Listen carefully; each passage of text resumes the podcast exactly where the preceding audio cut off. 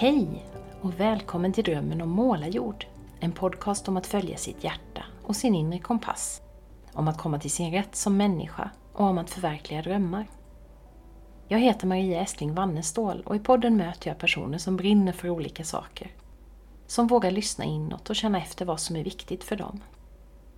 Jag inspireras av deras berättelser och tankar och det hoppas jag att du också ska göra.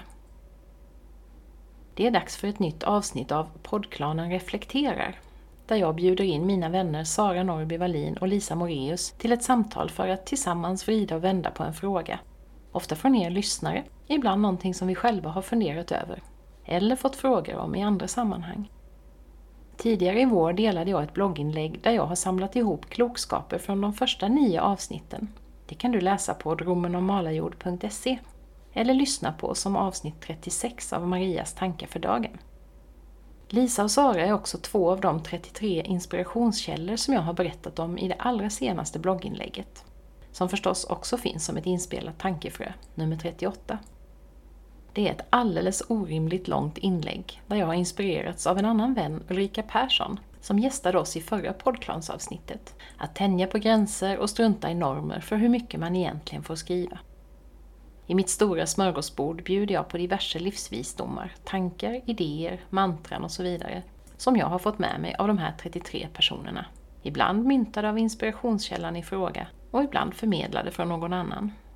Kanske finns det något där som också du kan ha nytta av, om du orkar läsa eller lyssna. Temat för dagens poddklansamtal är att brinna utan att brinna ut. Vi är ju så många som brinner för vårt jobb, för ett ideellt engagemang, för våra närstående.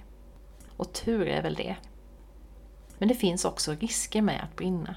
Ibland blir det för mycket, för överväldigande, för kravfyllt, för slitsamt. Och vi kanske tappar glädjen, lusten och lågan. I värsta fall brinner ut. Så vems ansvar är det egentligen att vi blir hållbara i vårt engagemang? Hur kan vi ta hand om oss för att orka hålla lågan levande under lång tid? Är det okej okay att ta paus från det vi brinner för? Kanske helt lägga ner? Och hur kan vi stötta varandra så att vi inte brinner ut? Det är några av de funderingar vi resonerar kring i dagens avsnitt. Ett begrepp vi pratar en del om är good enough. Att göra något tillräckligt bra och vara nöjd även om det inte blir perfekt.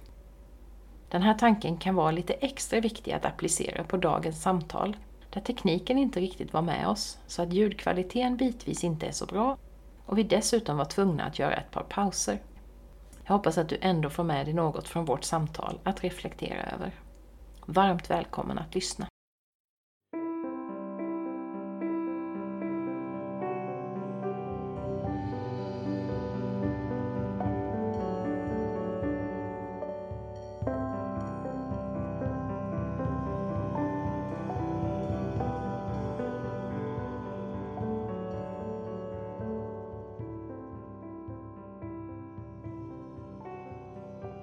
Sara och Lisa, välkomna tillbaka till poddklanen.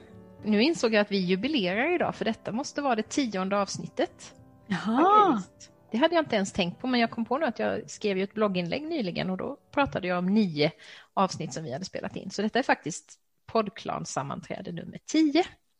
Så då är ni ännu mer välkomna än vanligt. Ni är alltid välkomna för det är alltid roligt mm. att prata med er. Idag ska vi prata om att brinna för saker, om engagemang och eh, glädje och sorg och allt vad det kan föra med sig att vara engagerad i någonting.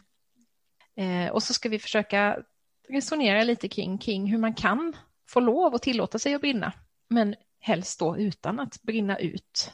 Mm. Det är väl det som vi alla kämpar med, tänker jag. Och att något som jag vill skicka med redan från början till er som lyssnar, det är ju att det här är svårt. Det är jättesvårt att vara väldigt engagerad utan att bli lite överengagerad ibland och kanske jobba för mycket eller ja, ägna för mycket tid åt någonting eller så. Så att eh, vi kommer inte med några eh, exakta lösningar eller så, eller svar på alla frågor, men vi tänkte väl att vi skulle prata lite om våra erfarenheter och vad vi försöker tänka på kanske, vad vi har lärt oss eventuellt och så får vi se var vi landar någonstans. Jag tänker också att det finns, det finns många olika perspektiv på det här. För dels så kan det ju handla om vad det är för typ av område, om det är jobb, om det är ideellt engagemang, om det är familj och anhörigskap och sådana saker. Det kan ju påverka hur engagemanget ser ut. Och sen kan det väcka sådana där frågor som, får jag lov att ta hand om mig själv för att det är lätt att fastna i att är man väldigt engagerad så ska man alltid finnas till hands för någon annan och sådär.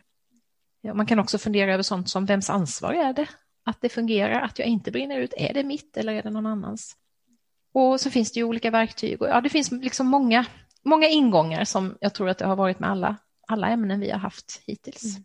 mm.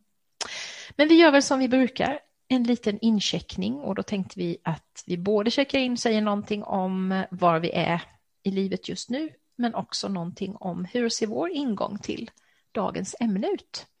Sara, vill du börja? Ja, det gör jag gärna. Eh, jag har hållit i en workshop nu på förmiddagen i två timmar om att, som på ett sätt kanske berör detta, eh, som, det handlar om att ehm, arbeta effektivt och arbetsmiljövänligt, kanske vi ska säga, med bland annat e-post, men också ja, administration i övrigt, huret där. Mm. Eh, och det var spännande för det ligger lite i utkanten av det jag brukar hålla på med. Så det var spännande. Jag känner mig nöjd och också, apropå det vi pratar om idag, nöjd med att inte vara helt slut. Det är alltid skönt när det, när det känns så. Min ingång i engagemangsfrågan är nog att just nu så ligger jag lite lågt eller tar det lite lugnt. Jag har kollat ut ett ideellt engagemang som jag vill kliva in i, men som hindras av eh, coronasituationen. Så jag bidrar min tid. Ehm, och annars är det ju jobbet som är mitt främsta, ja, som jag känner som ett sånt där engagemang eh, där jag behöver vara lite vaksam på hur långt jag ger mig in i det kan man säga. Men just för tillfället hyfsat balanserat på något sätt. Men mycket tänk kring det. Kanske också därför det råkar vara balanserat just nu. Eh, plus yttre faktorer som bidrar till det förstås. Mm. Kanske så ungefär. Om jag skickar vidare till dig Lisa. Mm, tack.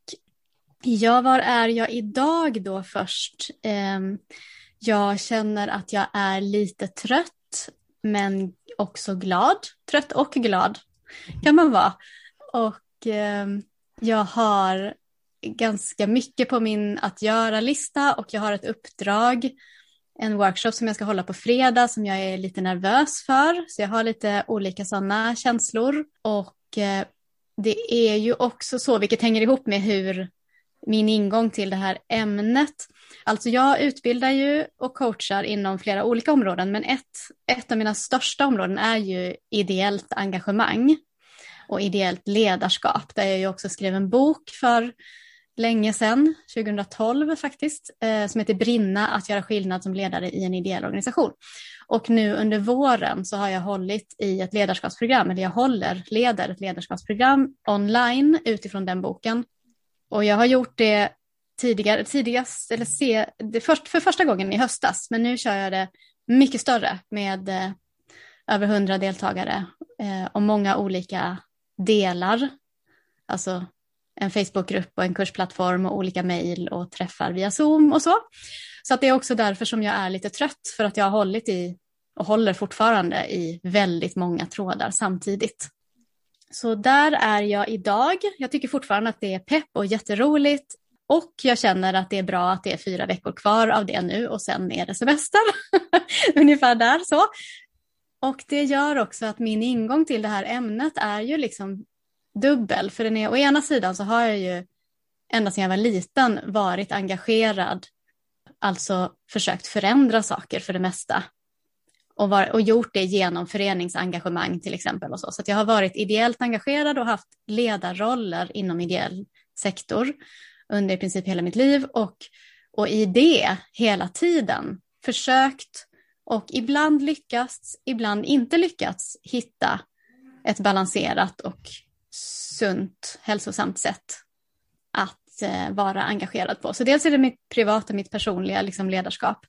Och dels är det att jag ju också utbildar inom det här. Så även i ledarskapsprogrammet så är det en modul, en del som handlar om att brinna hållbart. Där någonstans. Mm.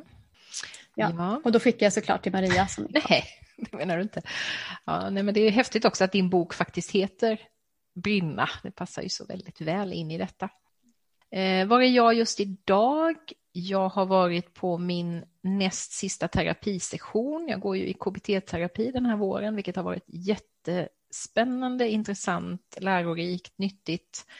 Eh, jobbat jättemycket med känslorna, för jag är väldigt bra på att vara i huvudet och reflektera och fundera och ha massa tankar och så, men jag är inte alls lika bra på att eh, gå in i mina känslor, i alla fall inte alla.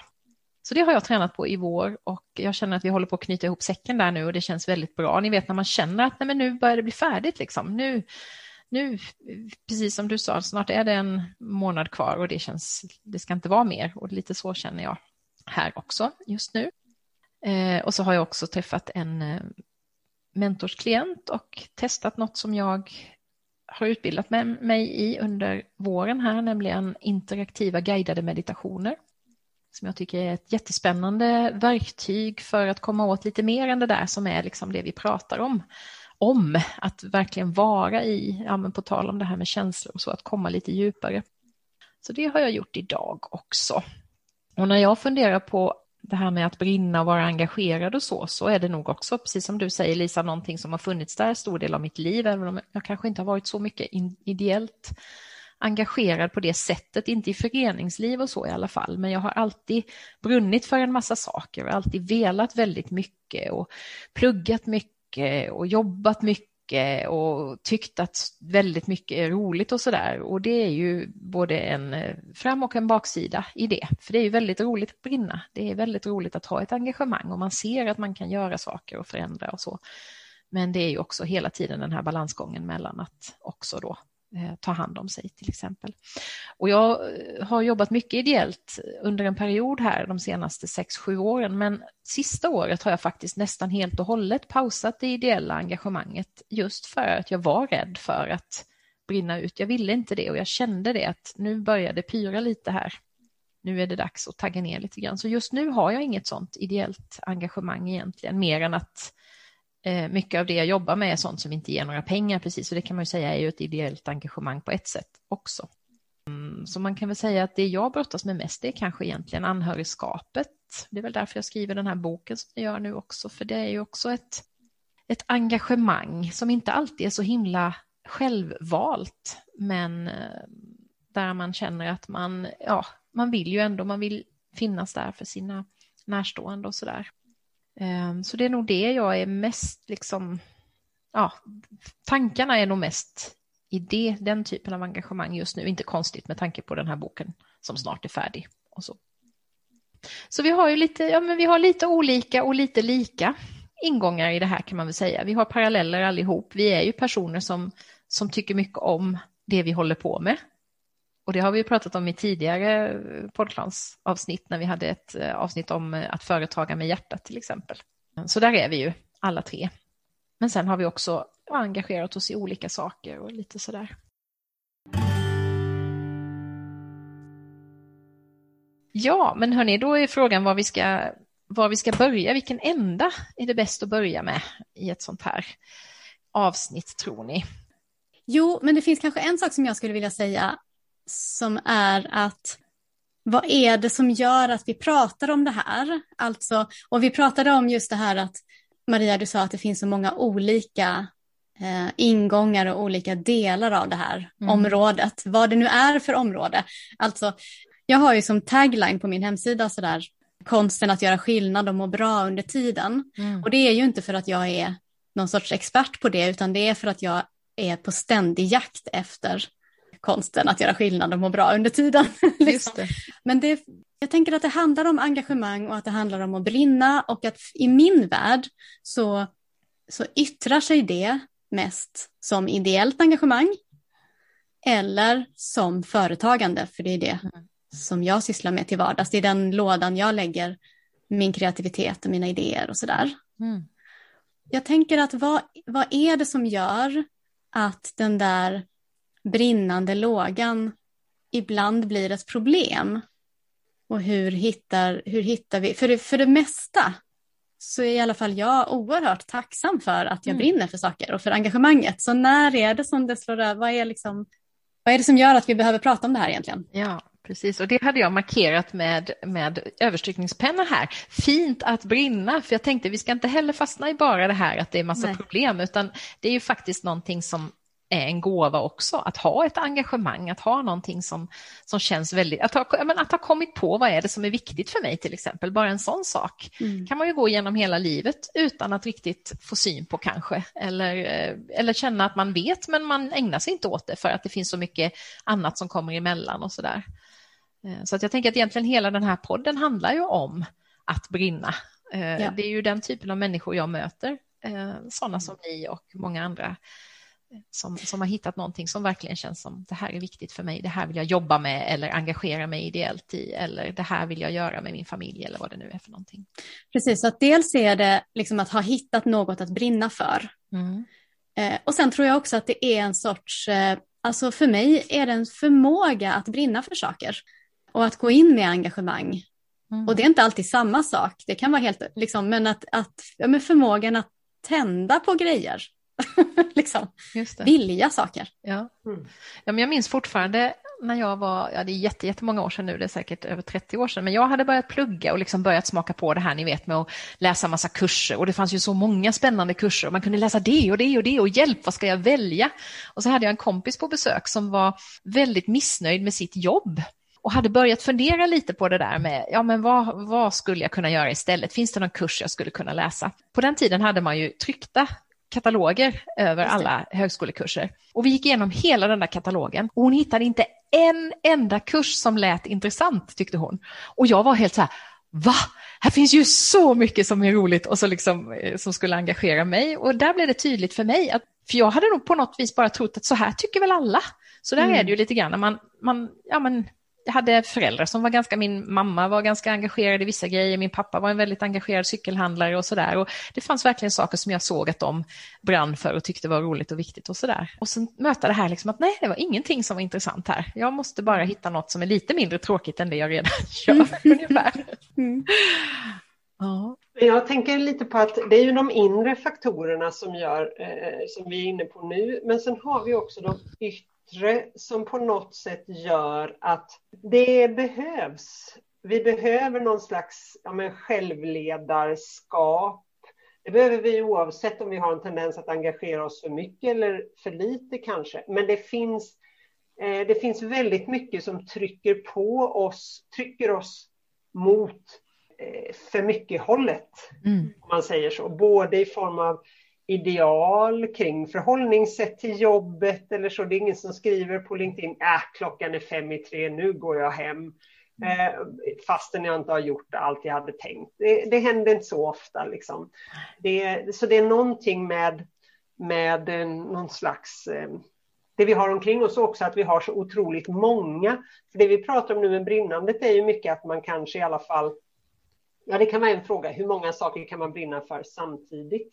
Men att bara rodda ett liv innebär ju att man behöver engagera sig ganska mycket i ganska många olika saker. Så. Jag funderade på lite på det där med vem det egentligen är som har ansvaret för ens engagemang och för att det inte ska bli för mycket.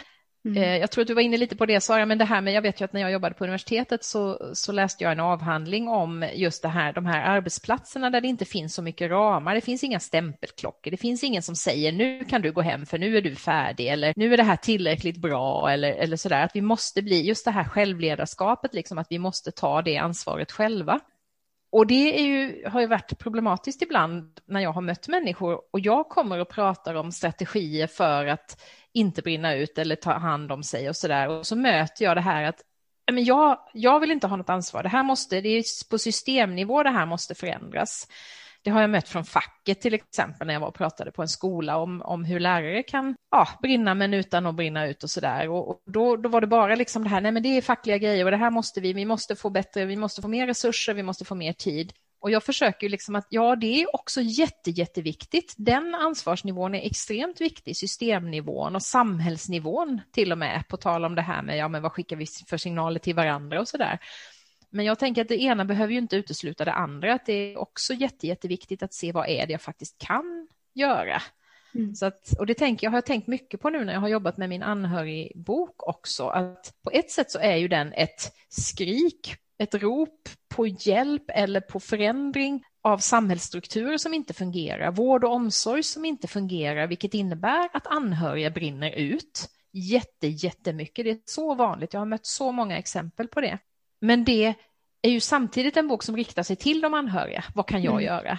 Så att det är liksom det är en fine line ibland och det kan vara en svår balansgång ibland att veta vems ansvar är det här egentligen? Mm. Och som chef så tänker jag att det är jättesvårt att vara den som å ena sidan ska inspirera till engagemang men också kanske då hjälpa de anställda att inte engagera sig för mycket. Mm. Är ni med på jag, hur jag tänker? Ja, men jag tänker, ja, precis, jag tänker att eh, för jag, jag, har ju precis gjort, jag precis, inte, för inte så länge sedan så skapade jag ju den modulen i mitt ledarskapsprogram som handlar om det här.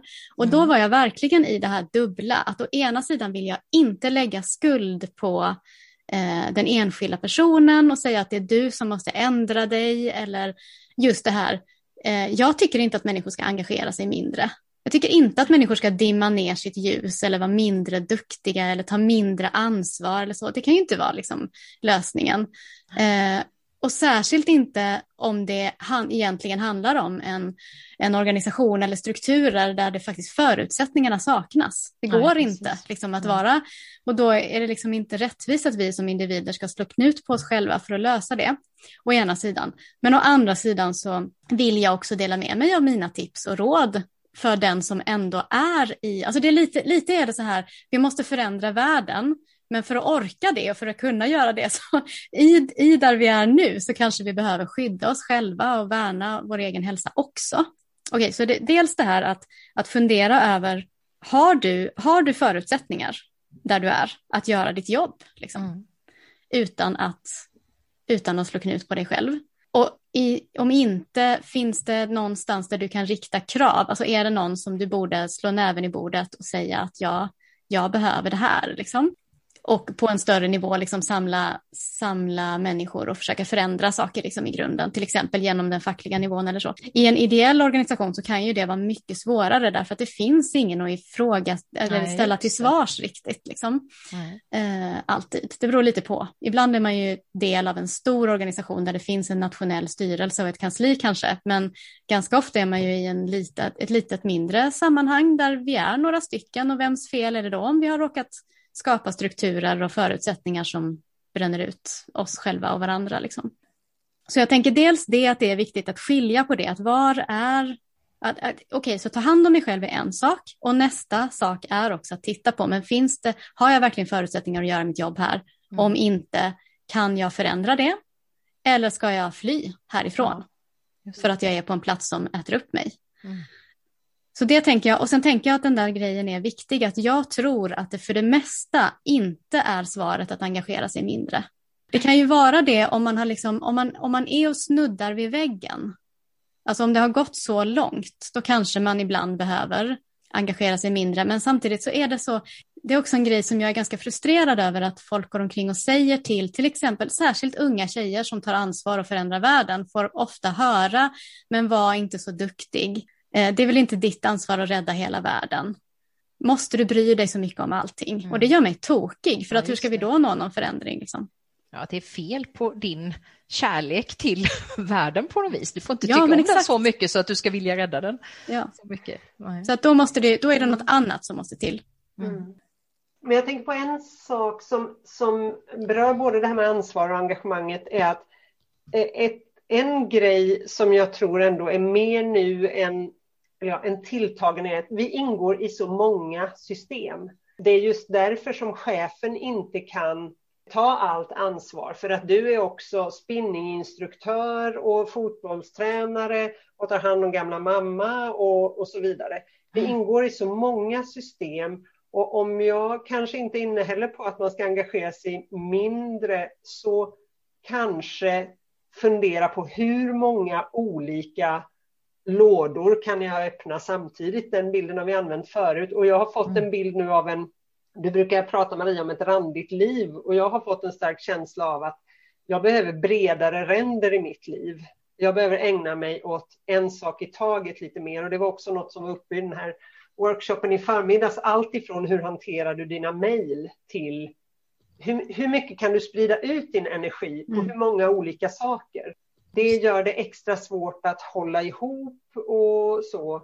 Så det är en fråga, en, en sak som jag har funderat på inför det här programmet, just någonting om att lägga till och dra ifrån, ja. bredd och spets. Att mm. å ena sidan kanske välja lite färre saker. Jag kommer ihåg en, en så mulleledare när mina barn var med i Mulle, en kvinna, kanske i 50-årsåldern som jag är nu, som berättade om att hon, eh, de bodde mitt på Teleborg, en stadsdel här i Växjö, och hade valt att inte lägga något krut på att renovera sitt hus. För att hon ville vara ute och vara med barnen medan de var i rätt ålder och så vidare. Så hon hade valt bort vissa saker för att kunna göra andra saker. Sen är det klart, har vi också pratat om det här att om vi skalar bort allt annat än det vi liksom har vårt engagemang i så är det också svårt att hitta påfyllningen någonstans. Mm. Men eh, det är någonting med det. Eh, det är, jag tror att det är någonting här nu som jag försöker tala om för mig själv. Jag är inte riktigt klar över exakt slutsatsen här, men det känns som att det här kommer upp i allt jag håller på med just nu. Ah. Hur, hur smalrandigt ska mitt liv vara? Ah. hur många saker på en gång? och sådär. Mm. Det är en jättebra bild. Jag, mm. Nu kommer jag på två bilder till. Låt oss förvirra människor med metaforer som ja, det är det bästa. Eh, nej, men dels så tänker jag på, för jag brukar tänka på ljus och just det här att inte dimma sitt ljus, men däremot fokusera det. Mm. Att liksom laserfokus på ditt engagemang istället mm. för att liksom bredda, alltså strålkastar åt alla håll. Liksom så. så det är ju precis den bilden. Mm. Eh, det handlar inte om att sänka, minska engagemanget, men det handlar kanske om att se till att ha förutsättningar att faktiskt göra skillnad. Liksom. Och då kan det betyda att släppa vissa saker. Liksom. Mm. Det behöver inte betyda att jag aldrig någonsin Nej. engagerar mig i en viss sak, liksom. utan att nu lägger jag fokuset här, sen yes. tar vi något annat. Mm. Jo, vi fick ju en metafor häromdagen av vår goda vän eh, Maria Ståhl. Jag tror inte att hon har något emot att vi, vi delar den här på Yoga Talk. Fantastiska Maria som berättade om en bakelse som var mm, fantastisk. Jag, nu minns jag inte riktigt, men det var aprikos och det var maräng och det var mandelbotten. Och sen var det ju ett chokladlager och det hade de ju kunnat skippa. Just det. För det, det, det, det, var det som var för mycket. Liksom. Ja. Det var det som gjorde den för söt och för mastig och liksom som skämde resten. Mm. Det tänker jag också är en sån sak. Och det jag menar, kan det bli för lite eller för mycket choklad? Det är ju tveksamt alltså hur, med tanke på hur gott choklad är. Mm. Men ibland kan det till och med kanske vara läge att skrapa bort det där chokladlagret just för att de andra lagren ska komma till sin rätt. Liksom. Just det. Mm. Jag kommer att tänka på någonting som jag har fascinerats av lite grann när jag har gjort intervjuerna för min anhörigbok här, för då har jag ju frågat om ja, men det här med engagemang och hur man har, ja, men vad man har haft för eh, kraftkällor och allt möjligt. Och det som har varit så tydligt är att vi är så olika också i det här med vad som ger och vad som tar. Så att just det där med att sprida eller att hålla ihop, där har ju då vissa människor sagt att jag har fått skala bort precis allting annat än att ta hand om mitt barn till exempel, för jag har ett barn som är har någon typ av sjukdom eller funktionsnedsättning eller så. Och man har kanske slutat jobba, man har, liksom, man har inte umgåtts med vänner, man, man har fått verkligen sikta in laserstrålen på det här barnet. Och sen har andra sagt att nej, men det har varit precis tvärtom. Mm. Därför att jag har behövt gå till mitt jobb för att kunna för en stund inte vara anhörig. Eller många har sagt också, jag har engagerat mig i en förening. Det kan ju låta helt galet, jag har ett jätteslitsamt anhörigskap. Men utan den där föreningen som jag engagerade mig i så hade jag aldrig klarat av anhörigskapet. Och det tycker jag är så intressant där att vi är så olika i vad, jag tänker också på det här med vad, ja men man pratar om vad introverta och extroverta tankar energi, att det mm. finns liksom inte en modell som funkar för alla heller, utan ibland kan det vara att vi behöver sprida engagemanget lite mer. Och ibland kan det vara precis tvärtom att vi behöver liksom smala mm. in och fokusera. Och det Ja, det är fascinerande just när man skriver en bok där man på något vis ska ha någon slags vi är anhöriga allihop, så Just vi är likadana och det är vi ju inte. Mm. vi har jättemycket som förenar oss, men det är också jättestora skillnader mellan vad som ger oss energi att orka ja. vidare. Liksom. Men det är lite grann det här att inte lägga, för att just nu då säga emotsäga mig själv helt och hållet, att inte lägga alla ägg i samma korg på något sätt. Att när då en, ett av mina engagemang går dåligt eller mm. står stilla så kan jag känna att ja, men det rör lite på ja, sig här i alla fall. Så att det, men det, den, det är någonting med den sammanlagda energimängden och, och jag tänker att det på något sätt systemmässigt eller så har funnits en, en naivitet i att ja, men det är bara att lägga till liksom. Vi, vi kan göra mm. allt liksom. Vi kan ha den perfekta trädgården och, och familjelivet och semestrarna och allt det där. Om vi, om vi nu bara håller oss till det vanliga vardagslivet och det engagemang som ju det faktiskt också ja. kräver. Att man roddar ett mm. vardagsliv kräver en hel del av oss. Och inte, och inte minst kräver det en hel massa engagemang i beslut. Ska jag ja. eller ska jag inte? Ska jag bli kanske min tur att vara fotbollstränare nu ändå eller inte? Så det är också, det finns mycket mm. där i de eh, mm. många frågor och färre ja. svar som vanligt. Jag tänker också på det här att, eh, att det finns ofta en sorts värdering av olika typer av engagemang också. Eh, mm. Eller vi, vi värderar vårt engagemang olika. Jag hade ju mitt senaste stora ideella engagemang som ordförande i en styrelse för, det är flera år sedan nu, det är ja, tre år sedan kanske som jag hoppade av i sista minuten innan jag kraschade faktiskt. Jag, jag lovade ju min man då att inte sätta mig i en styrelse på minst ett år. Det är nu ganska många år sedan och jag vill inte liksom vara ideellt engagerad just nu fortfarande. Eh, jag behöver, liksom, ja, men jag behöver ägna min energi åt annat och också läka den delen av mig själv. Liksom. Mm. Eh, och det är ju inte helt enkelt att, att se att det engagemang som jag lägger på att sitta vid symaskinen en hel dag eller bygga kurser i mitt företag. Visserligen så gör jag kurser som finns till för andra eller liksom som hjälper andra människor. Men det är ändå så att jag gör det är för mitt eget höga nöjes skull. Det är liksom för min skull. Och då är det så här, är det lika vackert? Är det engagemanget lika mycket värt när det är för mig? Vad är jag värd om jag inte har ett ideellt engagemang? Och det, jag vet att jag för många, många år sedan, så när jag satt i styrelsen för Svenska Amnesty, ja det är ju tio år sedan och mer, men när jag skulle hoppa av styrelsen, alltså efter sex år var det väl jag satt där, så fanns också det. Ja, men vem är jag då? Vem är jag om jag inte är liksom Amnesty-aktiv på den här nivån? Så jag tror att det också gör det svårt ibland. Det kan göra att man kanske eventuellt ibland stannar för länge på saker eller har fruktansvärt dåligt samvete några år när man låter bli. liksom. Mm. att, det, att det måste också få vara eh, okej okay, liksom, att ja. vara engagerad på olika sätt och på olika områden i olika delar av livet och så.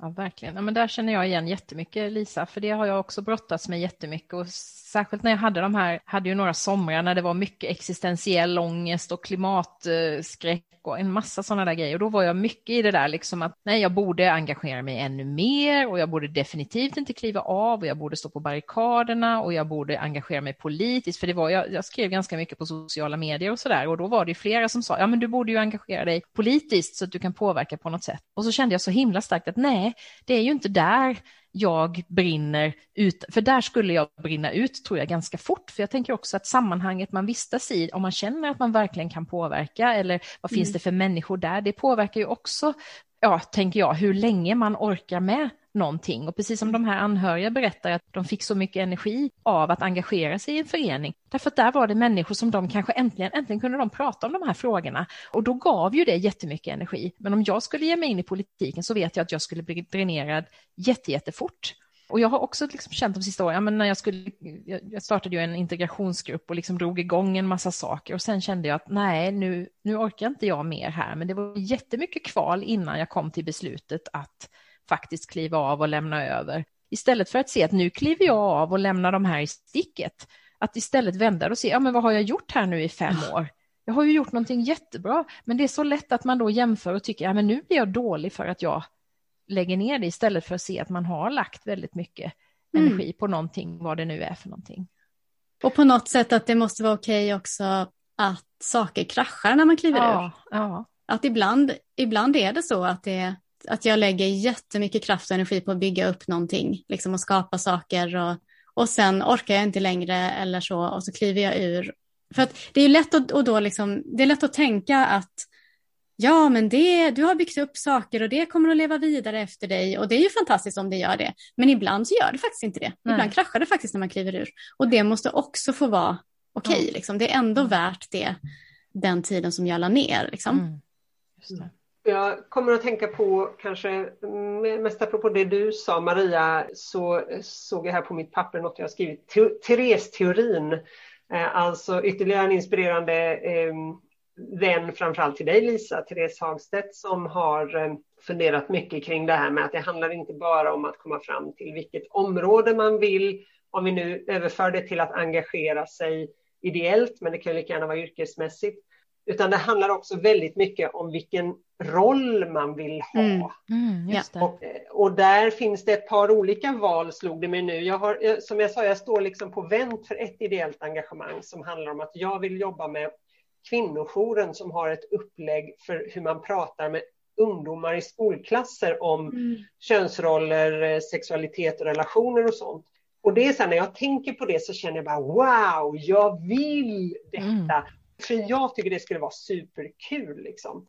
Och jag känner också att det är jätteviktigt.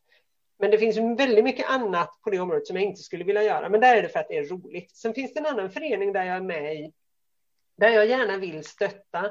Men jag vill inte kliva in och ta någon av de tyngsta posterna. Men då mm. har jag hittat ett område som ganska få andra är lockade av. Jag är IT-ansvarig, vilket ju inte innebär något jätteavancerat, men det är ändå något som de flesta, många får lite rysning, rysningar av. Och då har jag valt, nej men då tar jag den nischen, för då gör jag ett litet bidrag. Ja. Det, är inte, det är inte att jag tänker wow vad kul, men det är någonting som jag tror att det tar mindre energi för mig än för många andra.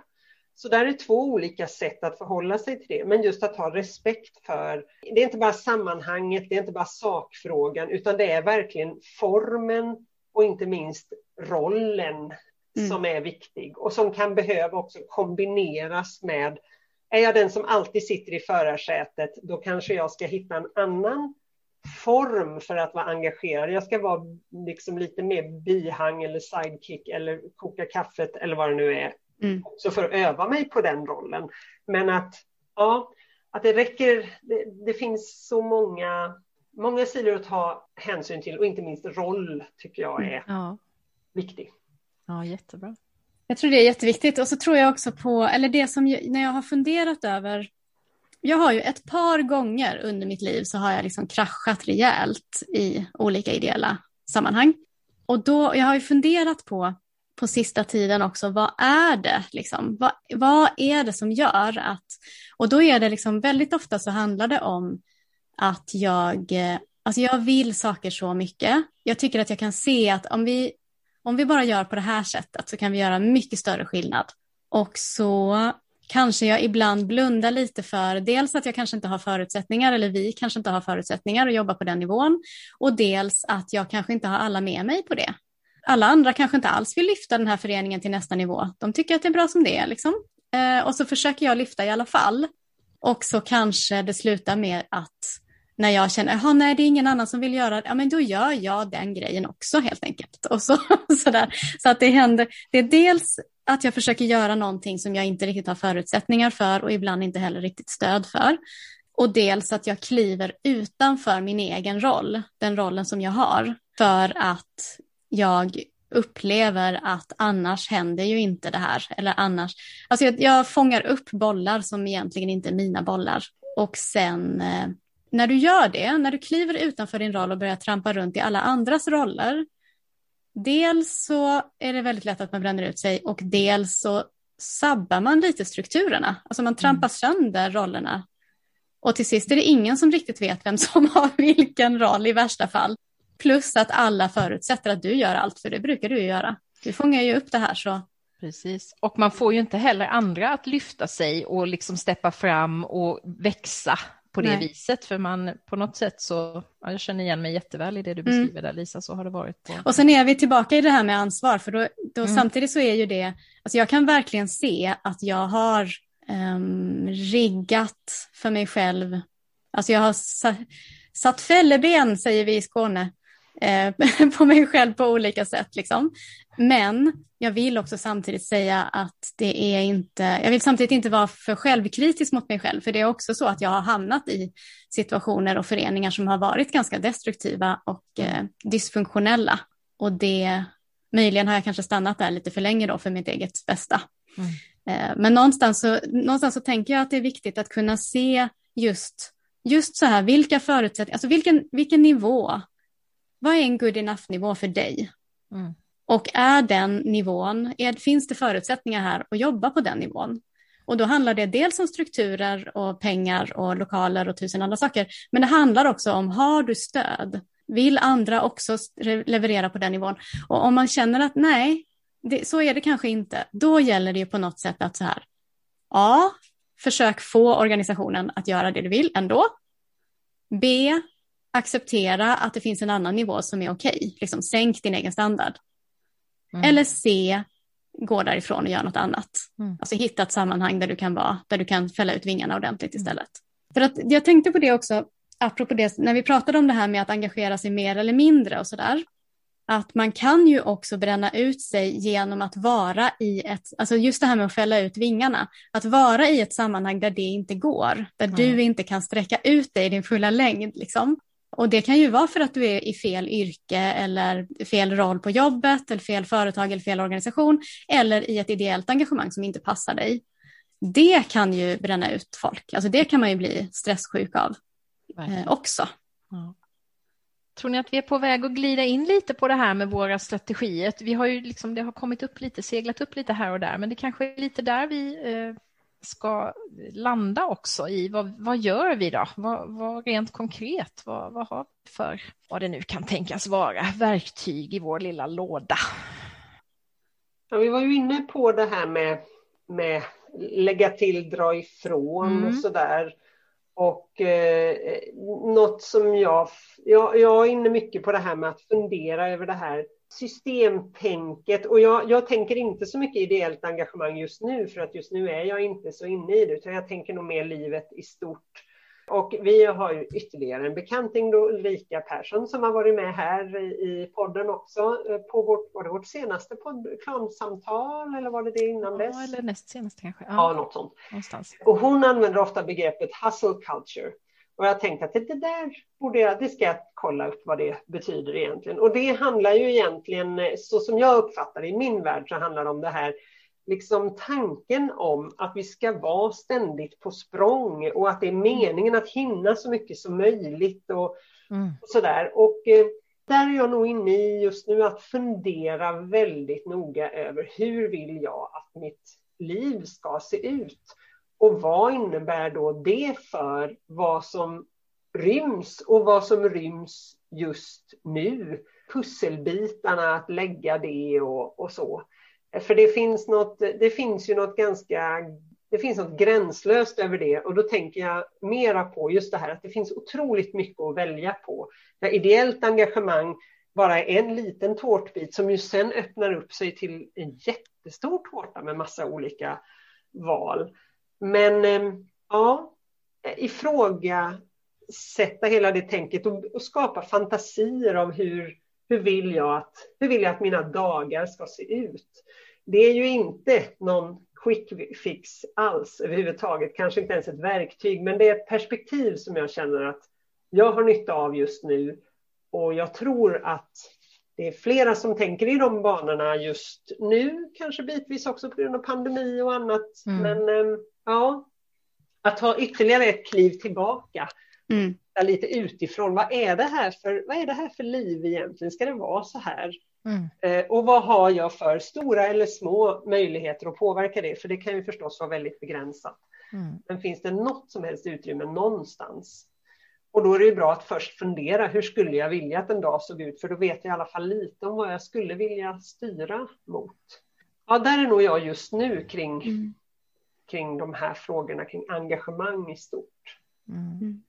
Jag tänkte på att jag i min, i min anhörigbok så har jag ett kapitel som handlar om att ja, men, ta hand om sig eller orka eller inte brinna ut eller vad det nu handlar om. Och, och där har jag tagit upp sådana där ja, men klassiker för att vi behöver påminna oss om dem som fysiska behov och att våga prata om saker och sådana där saker. Och kraftkällor som jag var inne på, det här liksom, är det mer engagemang som ger mig det eller är det att få komma till en oas och bara inte göra någonting och sådär. Men, men där har jag också med en, ett avsnitt om ja, men inre kompassen. Jag kommer att tänka på det nu när du pratade, Sara Norrby Wallin. Att, Sara, nu säger jag Sara Norrby Wallin bara för att jag läser det där.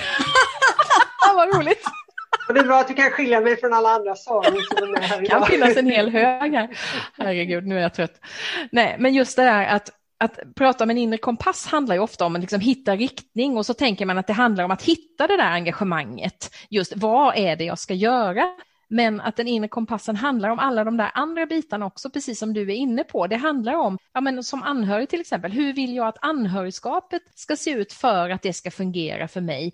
Eller om jag har någonting som drar jättemycket energi, hur kan resten av livet liksom se ut? Smått och stort har vi nytta av att på något vis ha kontakt med vår insida istället för att bara se vad alla andra gör eller mm. vad man förväntar sig på den här arbetsplatsen eller vad som är normen i den här föreningen. Liksom. Att att komma tillbaka till sig själv och känna efter, var, var är jag i detta? Var är mina värderingar? Att det, det, finns på så många plan, tänker jag. Tänker på den där bakelsen igen, Lisa, som, som du var inne på. Att man kan se det som en del av alla de här olika besluten, inte bara de där stora om vad är det jag ska lägga min energi på, utan också alla de där små sakerna som hjälper till att hålla lågan brinnande utan, mm. brinnande utan att den brinner ut.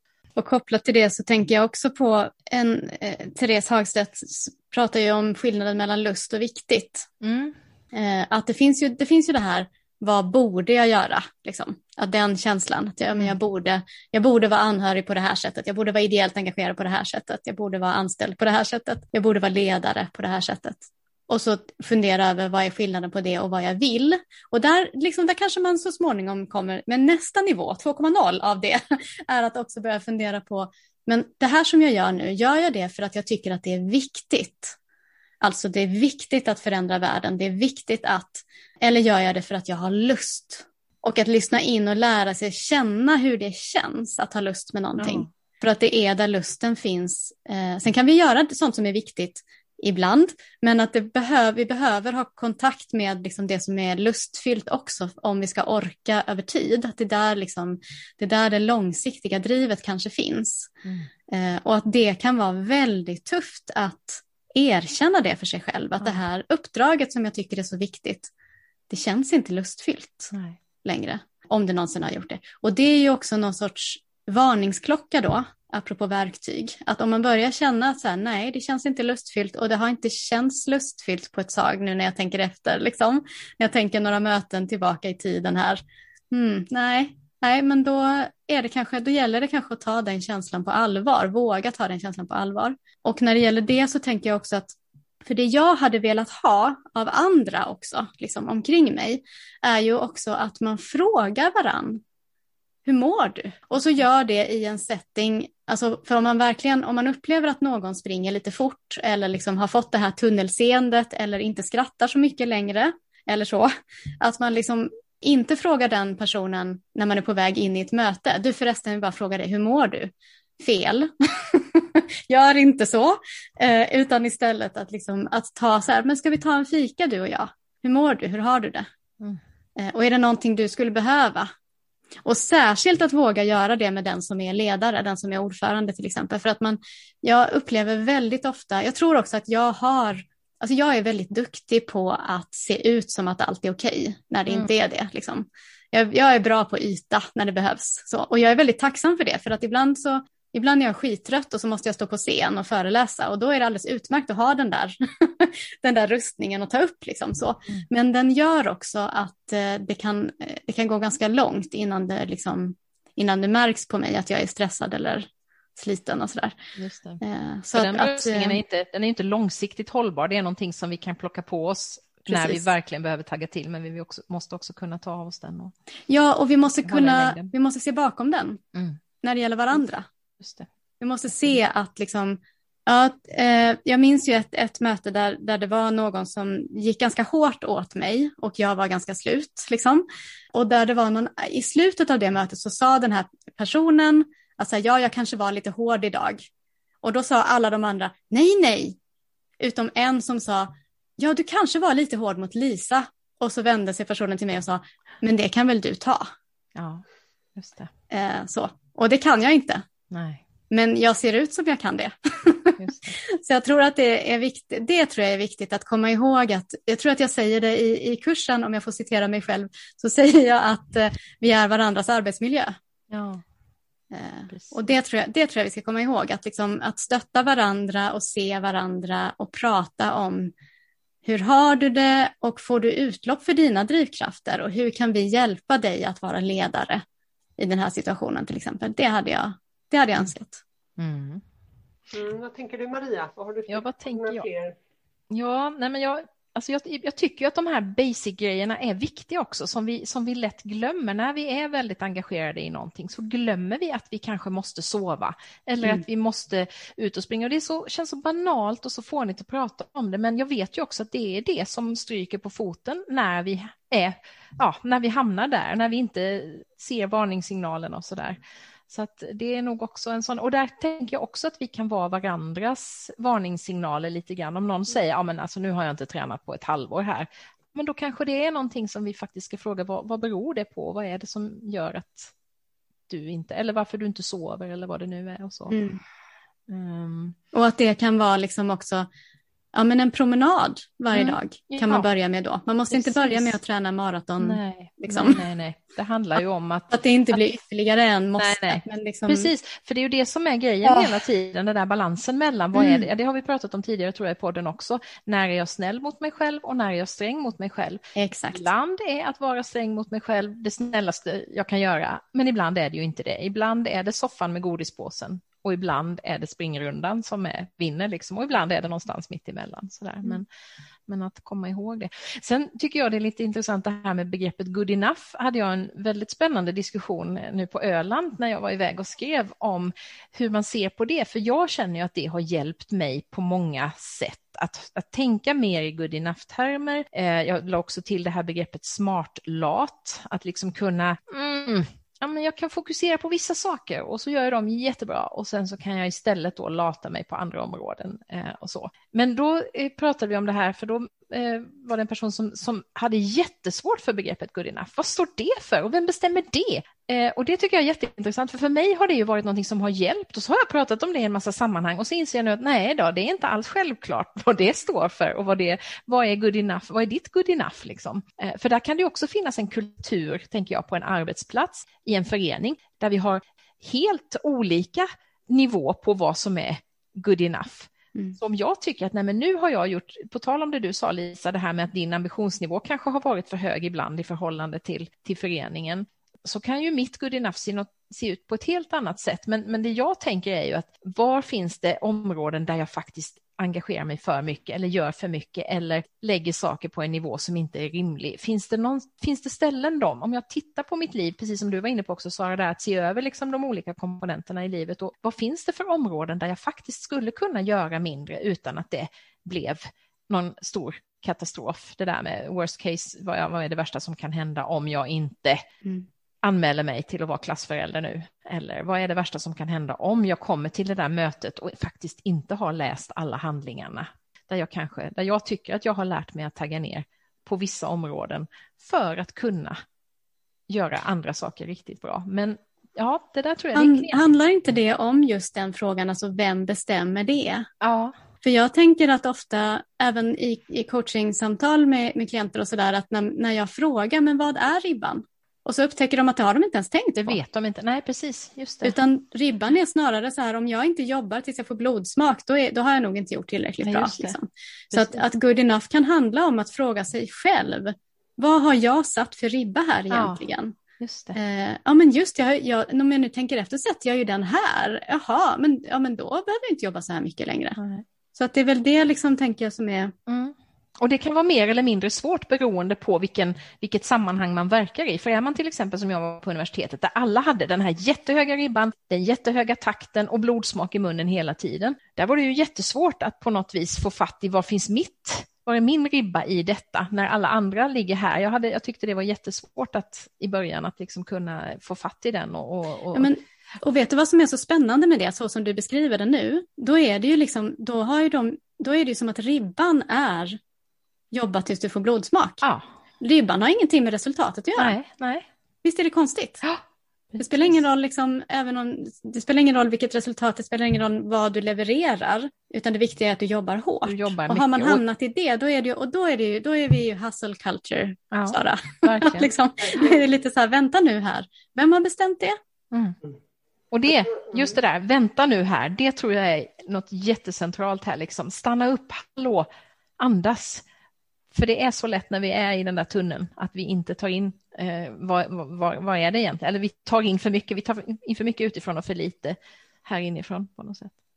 Ja, det var precis det jag ville säga också, Maria, mm. att just det här med det, att fånga upp varandra och så, men, men sen är det ju att hålla det här inre samtalet igång. Mm. Eh, En grej som jag har märkt med tiden är att när jag, när jag får bilder av mig själv så här, när jag, när jag hör mig själv säga okej, nu är det bara att köra ner huvudet mellan axlarna och köra liksom. Då kan jag verkligen känna hur hela kroppen stelnar till och att det jag behöver göra då är istället för att stanna upp eller bara köra på, det är att stanna upp och skapa överblick. Fast jag vill inte ha den överblicken då för att eh, jag vet att det, det är ingen rolig syn när jag har hamnat i de lägena. Men det är precis då jag behöver stanna upp. Så långsamt börjar jag kunna göra den kopplingen. Så, så det är ju liksom att ha koll på sina inre, inre signaler lite och också sina inre superkrafter.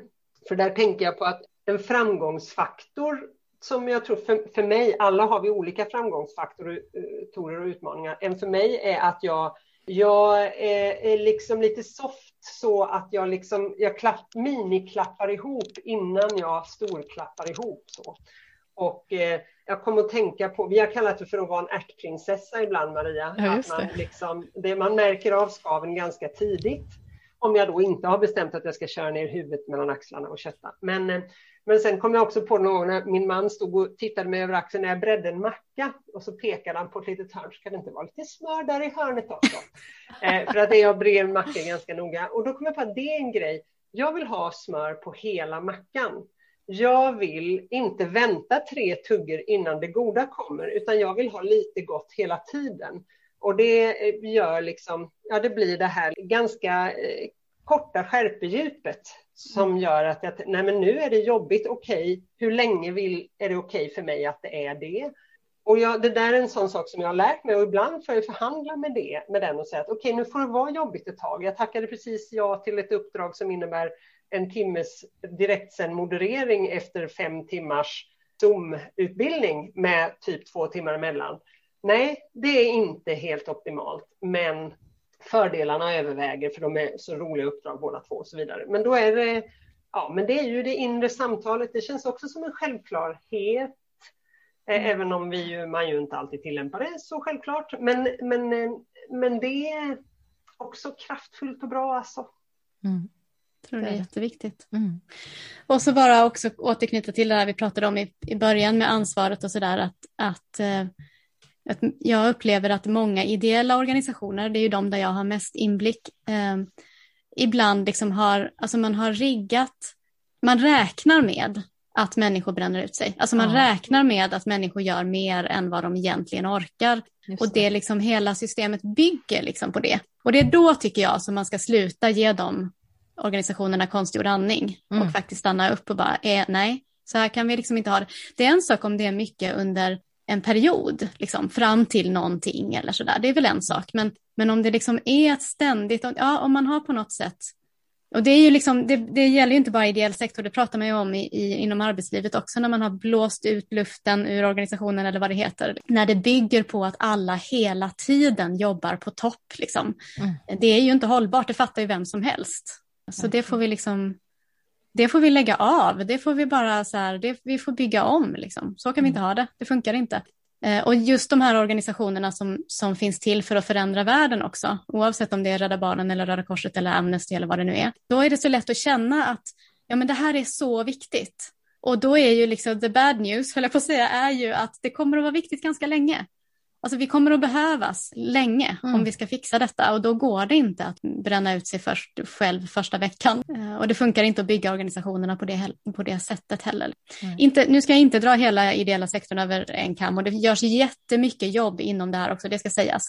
Särskilt de senaste tio åren så har många ideella organisationer börjat prata om detta äntligen och mm. utbildas kring det och så. Men jag, ja, ja, man ska, det, det ska vara kul och roligt och kul och roligt och lustfyllt och kännas meningsfullt och framförallt hälsosamt att engagera sig mm. ideellt. Mm. Annars kan det kvitta, tycker jag. Och där tänker jag att samtalet är så viktigt också, förutom det här att lyssna inåt och känna efter var går mina gränser, var är mitt good enough, var är min kompass och allt det där, så är det ju också att prata om de här sakerna. För om ingen pratar om det, om man inte vågar prata om hur jag mår eller att jag är på mm. väg någonstans, då, ja, då, får, då, kan ju de här systemen också fortgå hela tiden på något vis. Mm. Att det är ju en förutsättning att vi vågar visa vår sårbarhet, att vi vågar yes. be om hjälp och att vi vågar, som ni var inne på också, det här med fråga någon hur, hur den personen mår eller tala om att just nu mår jag inte så bra. Och också, precis, jättebra, plus också tvärtom, att också säga, vet du vad, det går att engagera sig och må bra. Mm. Alltså att sprida det precis, också. Det för att jag tror också, du och jag har ju varit inne i ungdomsrörelsen och jobbat en del Sara, där vi också upptäckte att där det finns väldigt många unga människor som kanske inte har haft ett jobb själva och inte riktigt känner sina stressgränser och inte riktigt vet hur det ska vara. Liksom. det. Eh, det kanske är så här att man måste jobba så här hårt hela tiden. Det kanske ska kännas så här. det kanske ska vara så här stressad. Att också sprida att eh, nej, det ska det inte. Nej. Ja, i perioder, kanske mycket korta perioder som leder fram till någonting och sen är det en föreställning och sen kan man slappna av efteråt, liksom fine, men, men inte som konstant. Nej.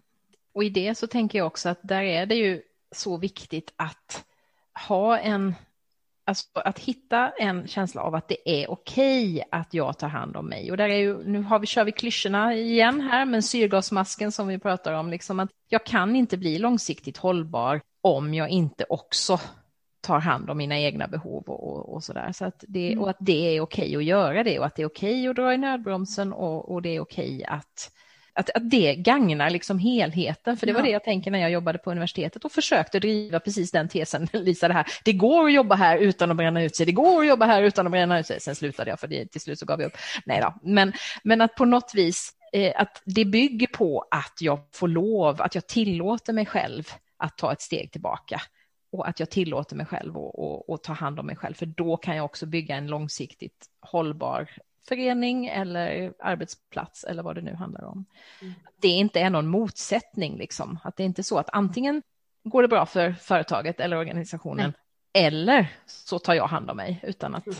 vi tvärtom. behöver gifta ihop de här. Det är snarare tvärtom. Precis.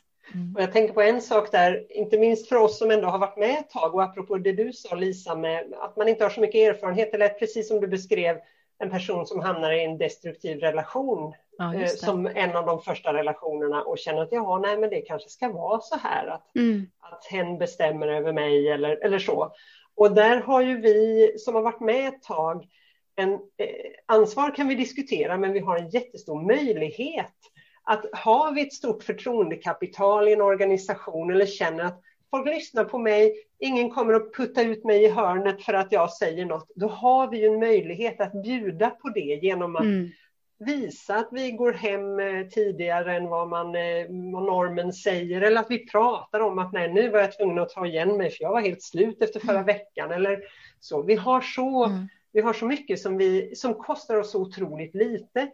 Eh, men att vara de här som inte kanske är direkt drabbade, men som kan bjuda på visa på vad kan vara rimligt och, vad, och vi är också människor, vi är inte superhjältar. Och så. så där, mm. Eh, mm. Jag tror det är, och det är så bra det du säger och att liksom sprida, ja, precis, att sprida det goda. Mycket hellre än att bli de där som går och klappar andra på huvudet och säger mm. försiktigt så att du inte bränner ut dig till folk. Mm. Det tycker jag vi kan lägga av med och sen istället visa på att det går att vara engagerad och hälsosamt och sen fråga hur folk mår mm. också.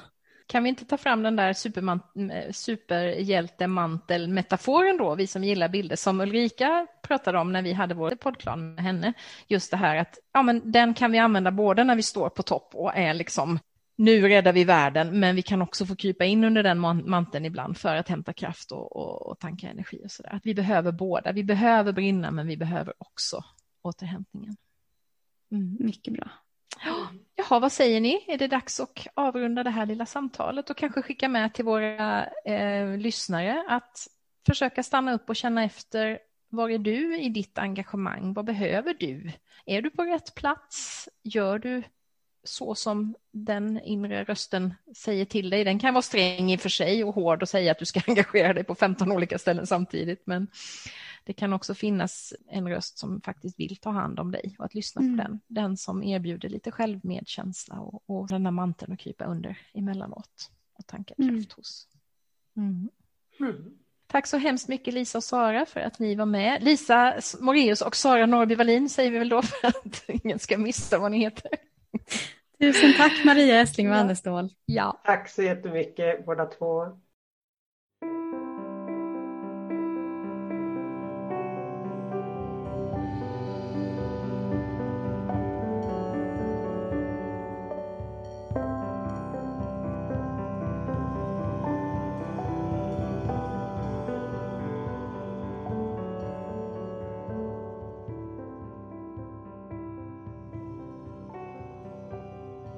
Det här var våra tankar om engagemang och om att brinna utan att brinna ut. Vad tänker du själv när du hör hur vi resonerar? Finns det någonting du känner igen dig i? Har du egna erfarenheter av att brinna? Kanske också av att brinna ut? Har du hittat strategier för att bli hållbar i längden? Har du kanske helt andra funderingar som vi inte tar upp? Skriv gärna en kommentar på bloggen eller på Facebook. Jag tänkte också berätta om något nytt och spännande i mitt liv. Den här våren har jag gått en mycket intressant och givande onlinekurs för en meditationslärare jag också utbildat mig för tidigare, Jack Cornfield. Det handlar om att använda interaktiva guidade meditationer. Alltså meditationer där mottagaren för ett samtal med den som guidar i en visualiseringsprocess och i bästa fall får tillgång till lite mer än bara sitt intellektuella reflekterande jag. Mer kontakt med känslor, inre bilder och röster. Att använda inre bilder, visualisering och symboler i terapisammanhang som en nyckel till större självkännedom är också någonting som psykologen och psykoterapeuten Marta Kullberg Weston skriver om i sin bok En dörr till ditt inre och som jag just har börjat läsa. Metoden skulle kanske kunna sägas vara ett mellanting mellan hypnos och vanliga coachande, vägledande eller terapeutiska samtal och bygger på Jack Cornfields långa erfarenhet, först som buddhistmunk, sen som terapeut. Jag har nu testkört interaktiva meditationer med ett antal försökskaniner och med ofta goda resultat och känner att jag börjar bli varm nog i kläderna för att kunna erbjuda den här typen av vägledning. Dels som en del av mitt mentorskapsprogram, dels som enstaka samtalstillfällen. För den som kanske bara är lite nyfiken att prova ett nytt sätt att möta sig själv och sin inre visdom. Om du är intresserad så håll utkik på min hemsida där jag kommer att berätta mer framöver. Ett annat bra sätt att hålla koll på vad jag gör är att prenumerera på mitt månatliga inspirationsbrev, brevet från Målarjord, där jag varje gång reflekterar över ett specifikt tema, inbjuder till egen reflektion och tipsar om böcker, webbplatser, poddar och aktiviteter. Skulle du vara specifikt intresserad av att prova just interaktiva guidade meditationer får du gärna mejla mig på mariainrekompass.nu så hör jag av mig när jag börjar erbjuda dem som en del av min verksamhet. Tack så hemskt mycket för att du har lyssnat idag och varmt välkommen tillbaka!